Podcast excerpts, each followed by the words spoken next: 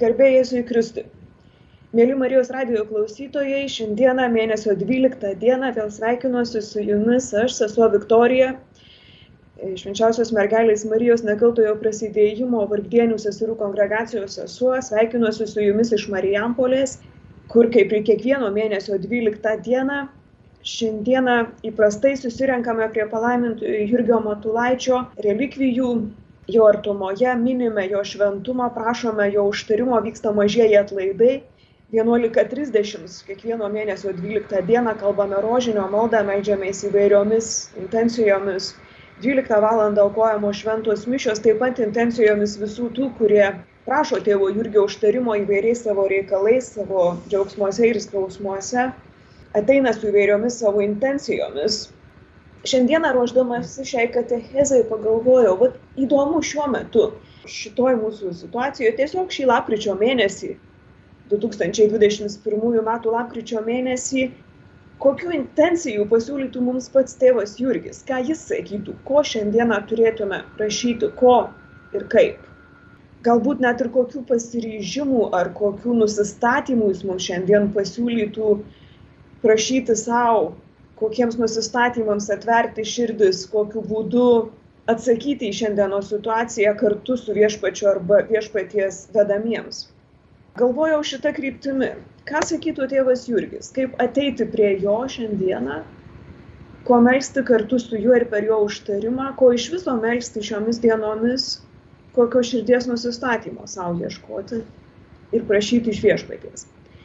Ir šitai pamastant, tiesą sakant, atsiverčiau vieną vienintelę tėvo Jurgio maldą. Ir pagalvojau, kad iš esmės to vieno sakinio galėtų užtekti šiandienos katechezai. Ta malda tuo sakiniu tėvas Jurgis kažkada, jau daugiau kaip prieš šimtą metų, užbaigė savo ingreso pamokslą Vilniaus katedroje. Tai yra savo pirmąjį žodį, pirmąjį kreipinį į savo būsimus ganomuosius Vilniaus vyskupijos tikinčiuosius tądien jau oficialiai tapdamas Vilniaus vyskupu. Daugelis žinome, kad tie 1918-ieji, kai tėvas Jurgis įžengė į Vilniaus katedrą, buvo didelių sumišimų, didelių suiručių, karinių konfliktų ne tik Lietuvoje, bet ir visoje Europoje laikas. Skausmingas laikas, sunkus laikas, ypatingai Vilniaus kraštui, bet, kaip sakau, visai Europai, savotiškai ir visam pasauliu ta malda kyla lyg ir iš to konteksto, bet kita vertus, pakeitus joje vos du žodžius, galėtume ją kalbėti visą šį mėnesį. Jis skamba taip.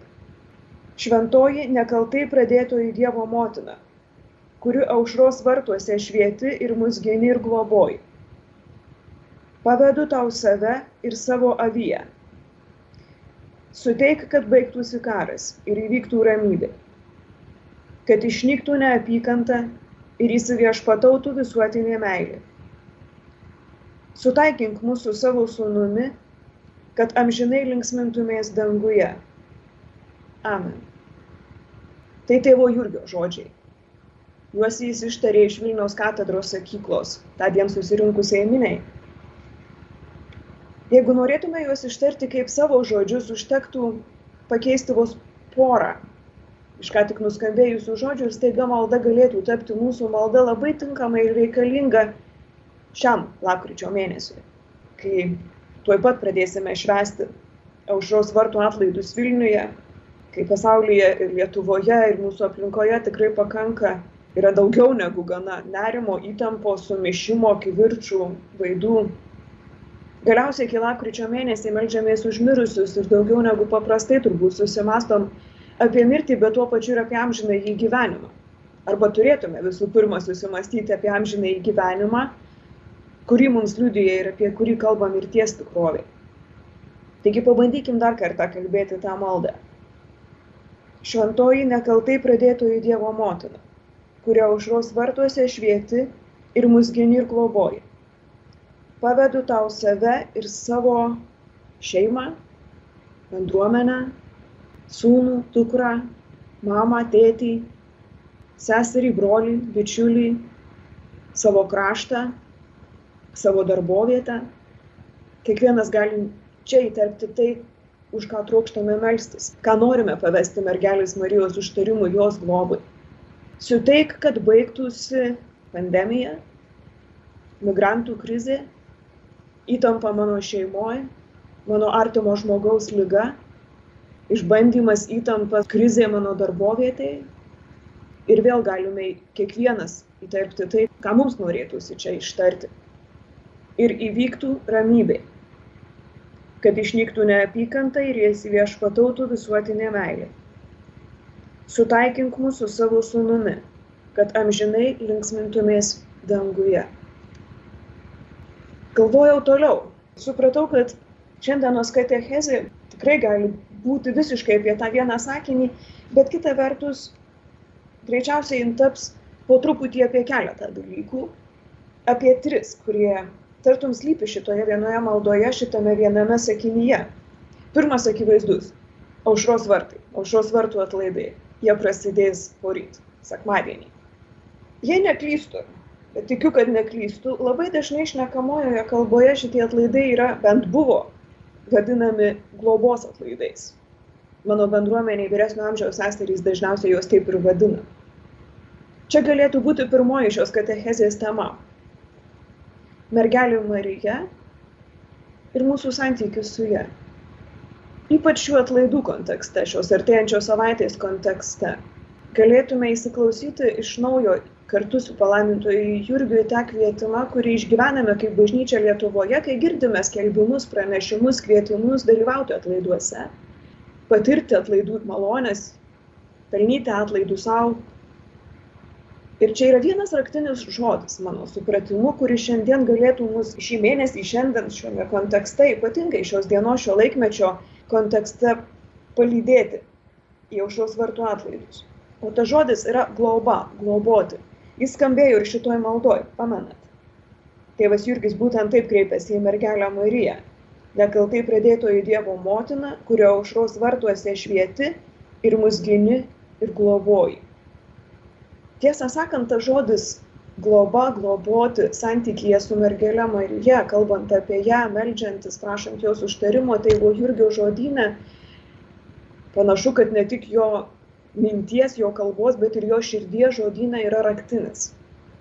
Vakar atsiverčiau dar kartą šimtas pirmą ar tūkstantis pirmą kartą tėvo jurgio užrašus jo dienoraštį ir tiesiog labai greitu žvilgsniu perbėgau vadinamąją dvasinių užrašų dalį, tą pirmąją dalį iki Vilniaus dienoraščio, aptikau ten, galbūt netiksliai skaičiuodama, galbūt ir ką nors praleisdama, bent jau septynes vietas, kur jis vienaip ar kitaip kreipiasi į mergelę Mariją, žvelgia į ją savo maldoj, žvelgia į ją savo mąstymę, savo širdies sustojime.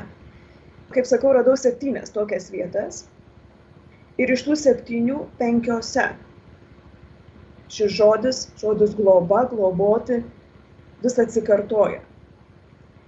Neskaitysiu visų septynių, bet neiškenčiu nepacitavusi bent poros.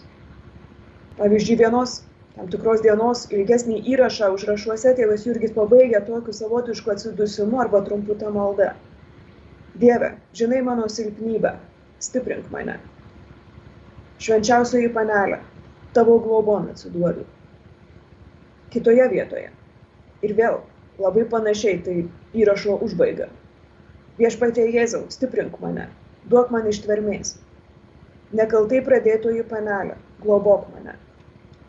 Kas buvo aušros vartai tėvui Jurgiui?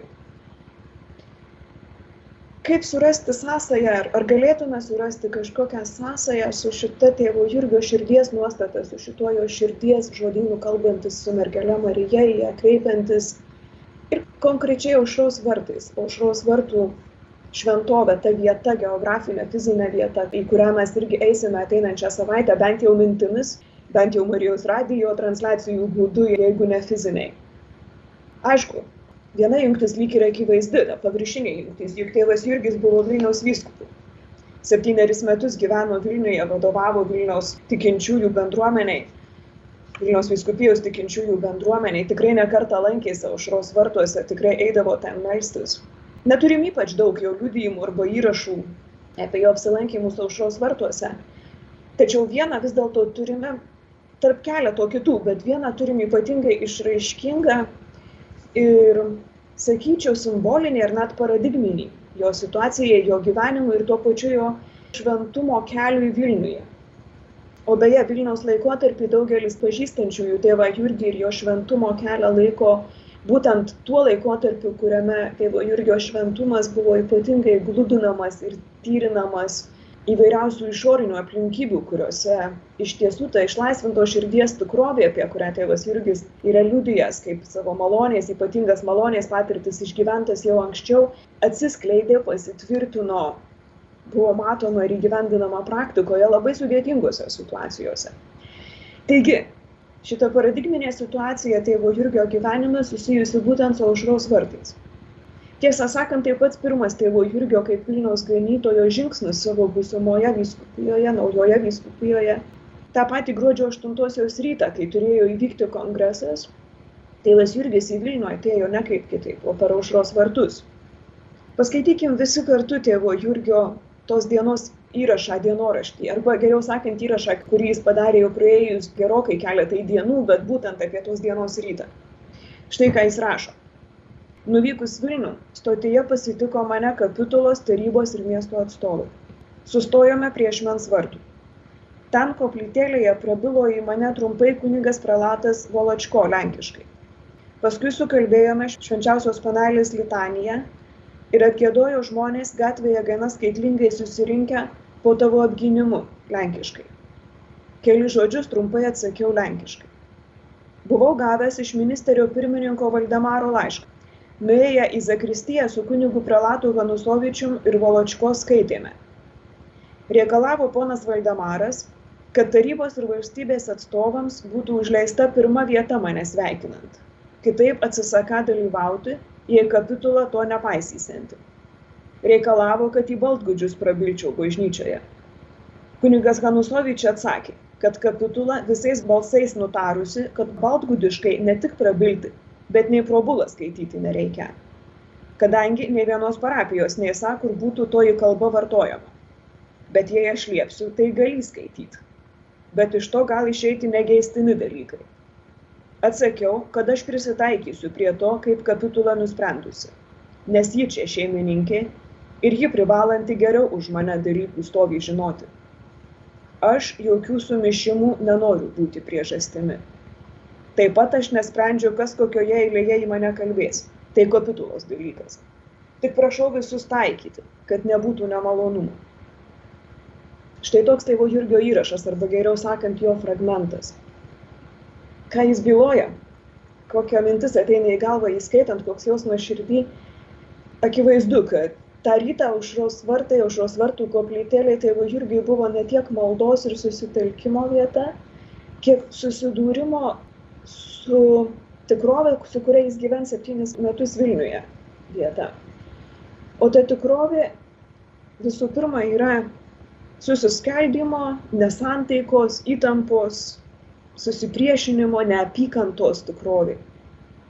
Ar tėvas Jurgis žinojo, kad jis ateina būtent į tokią situaciją? Taip, jis tą gerai žinojo. Kaip jis pats išgyveno tą rytą būtent aušros vartuose toje zakristijoje, šios vartų koplyčios zakristijoje, kurią mes visi galime įsivaizduoti, kur žinom, kur tos durys, šiandien einam pro tas vietas, kai einam melstis į koplytėlę. Ką tėvui Jurgiu reiškia tas derinys? Ką tik sukalbėta po tavo apgynimu, ką tik sugėdota po tavo apgynimu, kaip jis vadina. Šiandien mes sakytume tavo apgynimo šaukiamės. Ką tik sukalbėta litanija. Gal tai ir buvo ta globos patirtis, tas momentas, kai tas maldavimas, šauksmas iš tikrųjų tampa šauksmu, širdies šauksmu ir visos esybės kreipimusi, maldaujant tos globos, to užtarimo, apsaugos mergelės Marijos artumo. Vienoje iš citatų užrašuose tėvas Jurgis panaudoja ne, ne tik žodį globoti, bet globti. Toje citatoje tėvas Jurgis sako, ištarė tuo pačiu ir padėką ir prašymą, sako, mergelė Marija, kaip iki šiol mus globėjai, taip ir toliau nesiliauk mūsų gynusi ir globojusi. Tas žodis globėjai savotiškai turi dar kitą atspalvį, beveik atneša į akis ir širdį ir, ir į mintį tokį motinos po savo skepetą, po savo skarą ar po kažkokio drabužio skvernu priglaudžiančios mylimą vaiką, kur vaikui tas priglaudimas reikštų visišką saugumą, visišką ramybę, užtikrintumą. Noriu tikėti, noriu įsivaizduoti, kad šitas įžengimas per aušros vartus į Vilnių tėvui Jurgiui nešė būtent tokią patirtį. Viena vertus, kaktomuša susidūrimas su skaudžia situacija, su sudėtinga aplinka, būtent ypatingai paženklinta tuo suskilimu, neapykanta, susipriešinimu. Iš kitos pusės tą iškumą, kad motina šalia, kad motina globia, gina, saugo, kad jis nėra vienas, jis neteina į šitą situaciją tik jis, tik Jurgis, tik toks, koks jis yra. Jis ateina su savo tikėjimu ir pasitikėjimu, su tuo dangaus skoniu savo gyvenimą, kurį nuolat nešėsi.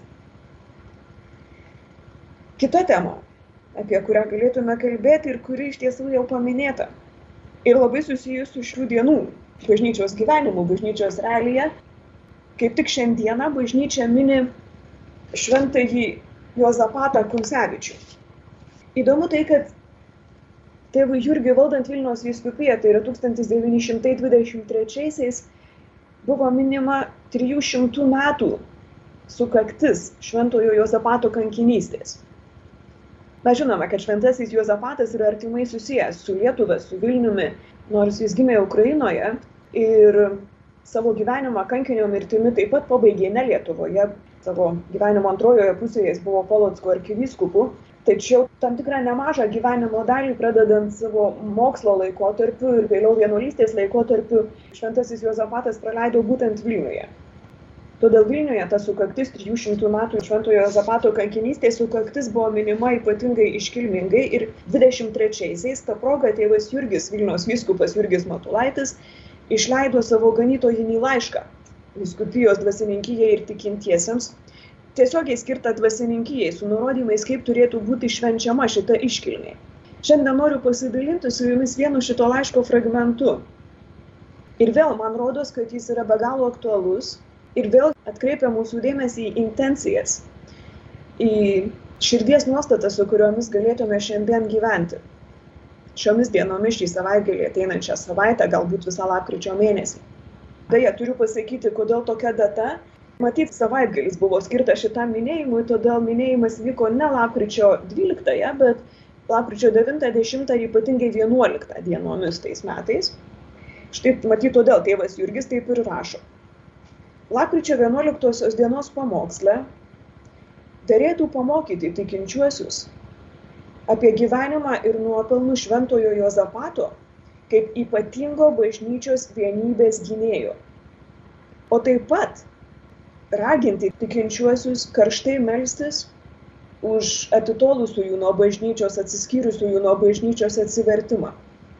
Bet taip pat, sako tėvas Jurgis, tą dieną labai reikėtų pakviesti tikinčiuosius su dar didesniu uolumu darbuotis, siekiant išrauti iš krikščionių tarpo bet kokią neapykantą artimui nes būtent ji yra pagrindinis šaltinis bet kokio skilimo, bet kokių susiskaldimų ir susipriešinimų bažnyčioje, o taip pat visuomenės kivirčių, kurie šiuo metu neša neramybę visam pasauliu. Šią dieną dera prašyti viešpatį, maldauti viešpatį, kad visame pasaulyje kuo plačiau skleistųsi Jėzaus širdies karalystė, užtikrinanti ramybę ir santarvę visoms tautoms.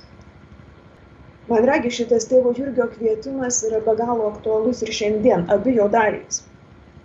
Kvietimas melstį, melstį santaikos, melstį vienybės, prašyti šventojo Jozapato kaip ypatingo vienybės gynėjo užtarimo, vienybės bažnyčiai, vienybės mums tikintiesiems šiuo metu įvairiai išsiskiriantiems, kai kada dėl nuomonių, dėl požiūrių įvairiais šiuo metu aktualiais klausimais.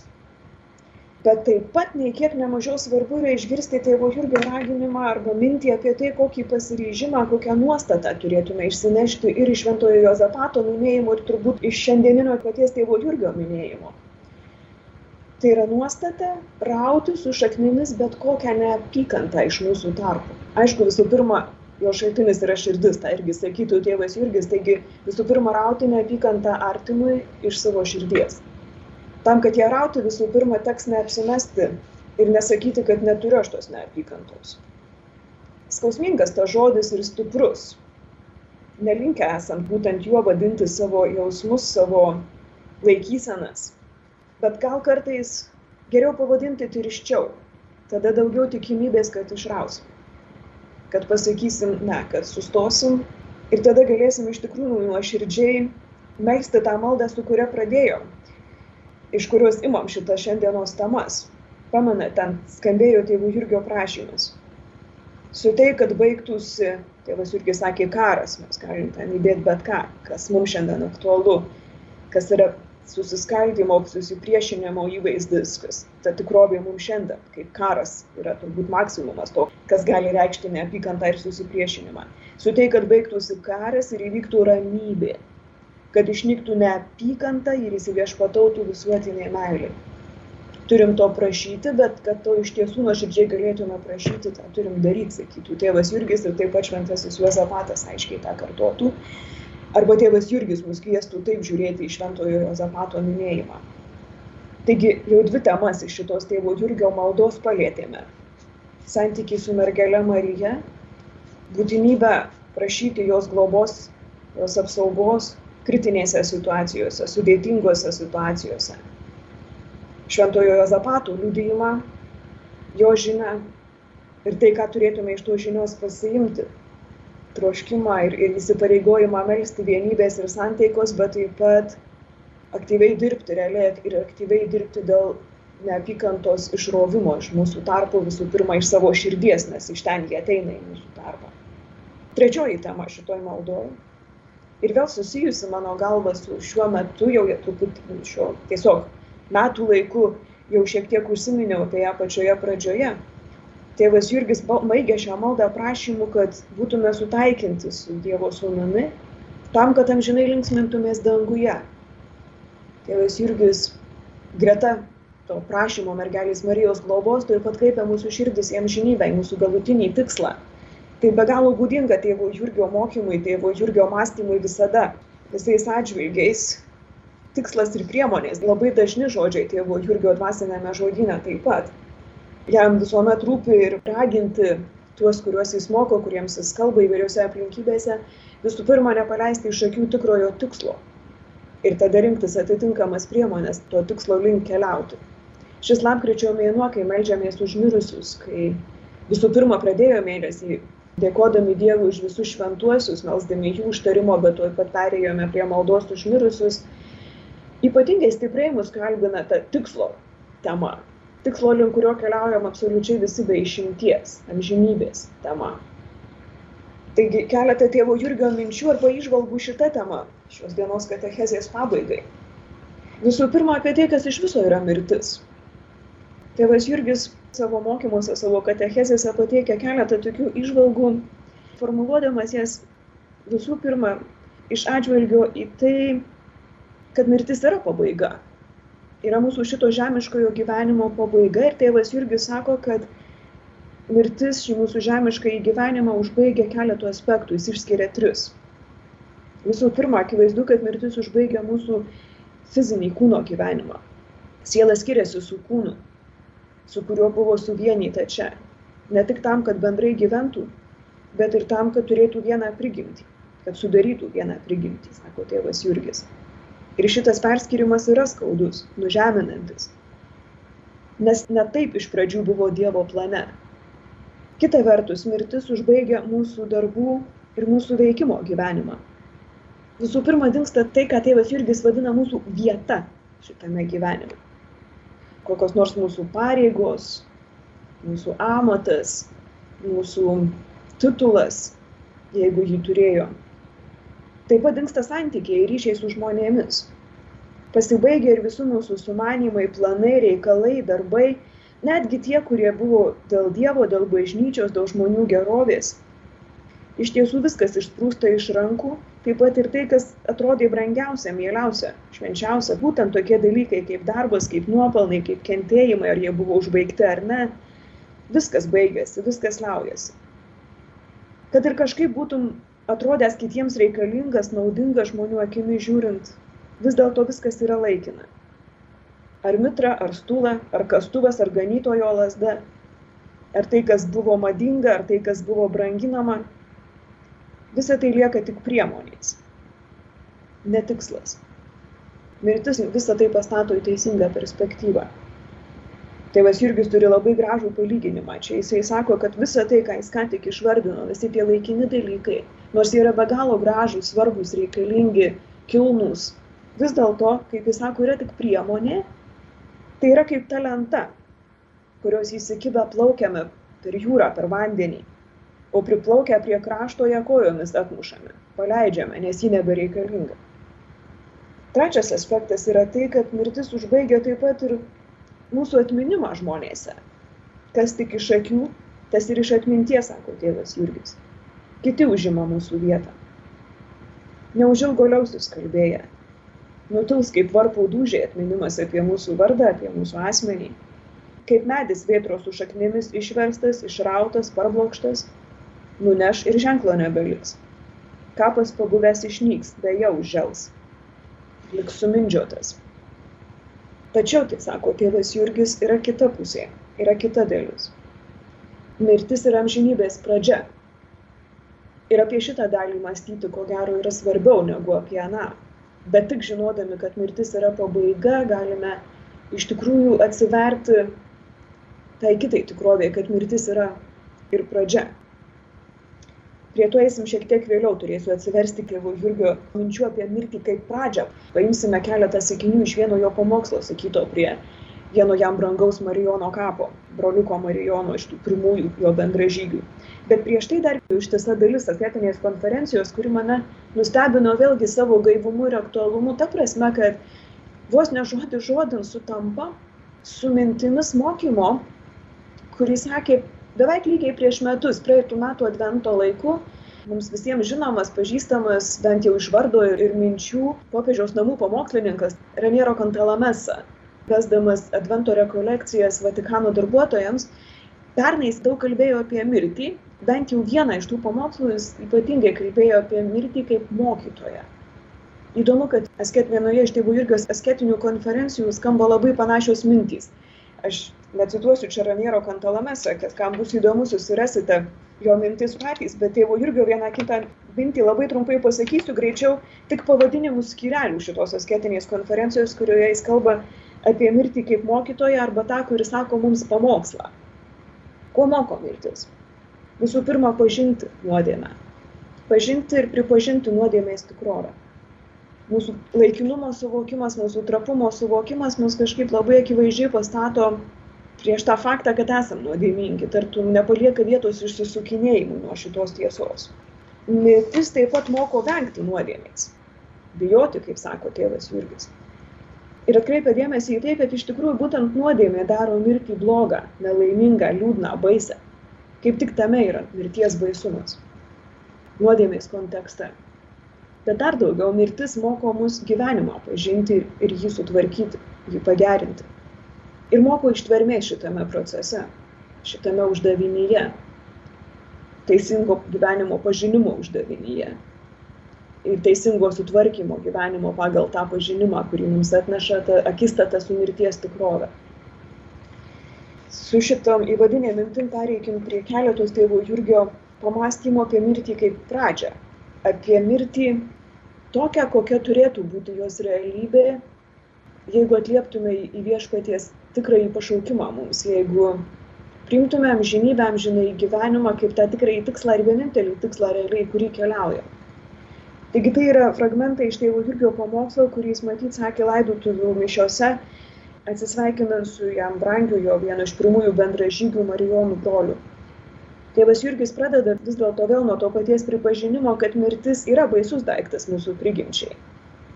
Nes taip tai yra apleidumas visokių dalykų ką tik girdėjome jo detalizaciją šio klausimu, minčių detalizaciją iš ankstesnės konferencijos. Tačiau, sako tėvas Jurgis, teisingas žmogus, teisus žmogus turės viltį mirdamas. Kas yra mirtis teisam žmogui? Žmogui, kuris nėra nuodėmės vergyjoje. Tokiam žmogui mirtis yra naštos nusimetimas, sopulių ir vargo pabaiga. Teisus žmogus mirdamas tartum išeina iš kalėjimo, žengia į polisį, Jam tai yra kelionės pabaiga, kovų ir vargų pabaiga. Teisus mirštantis žmogus yra kaip tas, kur naštą neša, ir ją nusimetęs džiaugiasi, kaip kalinys iš kalėjimo išėjęs, kaip darbininkas darbą atbaigęs, kareivis ginklą į šalį atidėjęs, artojas susilaukęs pjūties, pakeleivis sugrįžęs į tėvynę. Taip, nes teisingasis mirštant ten matys Dievą danguje su angelais. Jo palydovai bus garbės apsaustas, garbės rūbai vainikas. Taip, Dievas atmokės, Dievas apkabins savo atlygių. Kristus priims į savo artumą, priglaus į savo artumą. Tėvas Jurgis cituoja švento rašto kartojamas mintis. Sako, taip teisėjai ten spindės garbe kaip žvaigždės visatoje, kaip saulė toje karalijoje. Jų balti rūbai, jų naujas vardas. Jie bus pastatyti kas ant penkių, kas ant dešimties miestų. Ir kiekvienam viešpas tars. Gerai, gerasis ir ištikimasis tarne buvai ištikimas mažame, tai dabar ant daugel tave pastatysiu. Įeik į savo tėvo viešpatyje. Paveldėk dangaus karaliją su Jėzumi. Ir tėvas Jurgis kviečia tuos, kurie jau tą dieną klausė. Ir mes taip gyvenkime. Gyvenkime Dievu ir su Dievu. Akis pakėlę į dangų, nusižiūrėję į Jėzų. Eikime. Rūpinkimės panašus į jį tapti, su juo kentėti ir mirti. Ir tikėkim, kad tas, kuris iškeliavo tuo atveju, jisai sako mūsų brolis Antanas, bet mes čia vėl kiekvienas galim galvoti apie savo artimuosius. Taigi tikėkime, kad tas, kuris iškeliavo, mirė viešpatyje. Taip kaip ir gyveno viešpatyje. O jeigu ir nusinešė kokių dulkelių, todėl ir turime melstį už mirusius. Tėvas Jurgis tuoj pat klausė, bet ką reiškia mirti viešpatyje? Esam girdėję tos žodžius švento rašto skaitiniuose melžiantis už mirusiuosius, palaiminti, kurie miršta viešpatyje. Kas tai yra, ką tai reiškia? Vas Jurgis tą išdėsto labai paprastai, sako visų pirma, tai yra tie, kurie tikėjo ir Dievo akivaizdoje vaikščiojo, kurie niekuomet nepamiršo Dievo, nepamiršo savo sielos, turėjo tą tikrą, autentišką Dievo baimingumą. Taip pat tai yra tie, kurie dirbo taip, kad turėtų teisės ilsėtis, kad geri darbai sektų paskui juos. Visų pirma, artimo meilė, bažnyčios meilė, Ir kitas bruožas tų, kurie miršta viešpatyje, yra tai, kurie gyveno visuomet į Kristų atsižvelgdami, kurie pagal jo mokslą ir valią tvarkė savo gyvenimą, kurie su Jėzumi kryžių nešė, kurie gebėjo su Jėzumi kentėti, kurie gebėjo atpažinti savo gyvenimo iššūkius, skaudžius ir skausmingus momentus kaip atgailą, kaip galimybę atlikti steistyklą čia žemėje ir juos atvirą širdim prieimė kokia yra ta laimė, tas išsipildymas tų, kurie miršta viešpatyje. Ir vėl tėvas Jurgis kalba be galo paprastai.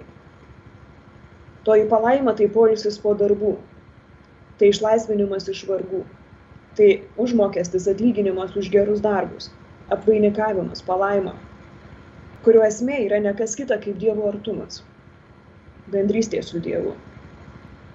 Ir tai yra amžinai tai nebepasibaigia, tai nebenutrūksta. Tokios tėvo Jurgio mintys, kurios galėtų mums padėti truputį naujai žvilgtelti, iš naujo žvilgtelti į mūsų maldą užmirusius, į mūsų pačių susitikimą su mirties tikrove. Neišvengiamai tai vyksta, kai melžiamės užmirusius, kai juos prisimenam. Ir tokia mano šiandienos katechezė ir toks kvietimas šią mėnesio 12 dieną kartu su tėvu Jurgiu atrasti tas galimas intencijas mūsų maldai, šiandien mūsų maldai, mūsų prašymui, mūsų šauksmui į viešpaitį, bet taip pat ir mūsų pasiryžimus. Labai trumpai pabaigai, priminsiu dar kartą tą maldą, su kuria pradėjome ir kurioje yra tartum užrakintos tos trys temos, kuriomis šiandien kalbėjome. Mergelės Marijos užtarimas, jos globa, jos globos poreikis būtinybė išgyventi jos globos tikrovę ypatingai sudėtingose situacijose, krizinėse situacijose, susipriešinimų situacijose, ten, kur neapykanta grasinasi įlysti, kur blogis grasinasi viešpatauti. Būtinybė atiduoti visas tas situacijas mergelės Marijos užtarimui ir globai. Šventojo Juozapato pavyzdys ir jo šventumo tikrovė kaip vienytojo, kaip to, kuris darbavosi, kad nebūtų skilimų, kad būtų vienybė Ir tėvų Jurgio išvalga, kad bet kurio susiskaldimo šaknyje yra neapykanta, kurią reikia rauti. Ir ne tik malda, bet ir darbu, veikimu, nusistatymu, pasiryžimu. Ir galiausiai trečioji intencijų grupė, mūsų širdies nusistatymo grupė galėtų ir turėtų būti susijusi šiandieną ir šį mėnesį su amžinybės tema, mirties ir amžinybės tema, kaip mūsų galutinio tikslo, kaip galutinio išsipildymo. Mirties kaip pradžios tema, kaip amžinybės pradžios tema, tuo pačiu atpažįstant ir mirties kaip pabaigos, mums, kaip šio gyvenimo pabaigos mums duodamas pamokas, pamokas, kurios ruošia mus amžinybė taigi ir užbaikim dar kartą kartu kalbėdami tą tėvo jurgio maldą iš jo ingreso pamokslo. Aš praleisiu tuos du žodžius kurie atėjo labiausiai iš to konkretaus tėvo jurgio konteksto kad toje vietoje kiekvienas galėtume įterpti tai kas šiandieną reikalinga skauda verda kaista mūsų širdyse. Šventoji nekaltai pradėtoji dievo motina kuri aušros vartuose švieti ir mus gini ir globoji. Pavedu tau save suteik kad išnyktų neapykanta ir įsiviešpatautų visuotinė meilė. Sutaikink mūsų savo sūnumi, kad amžinai linksmintumės danguje. Amen. Katechezė apie palaimintąjį Jurgį Matulaitį sakė sesuo Viktorija Plečkaitytė.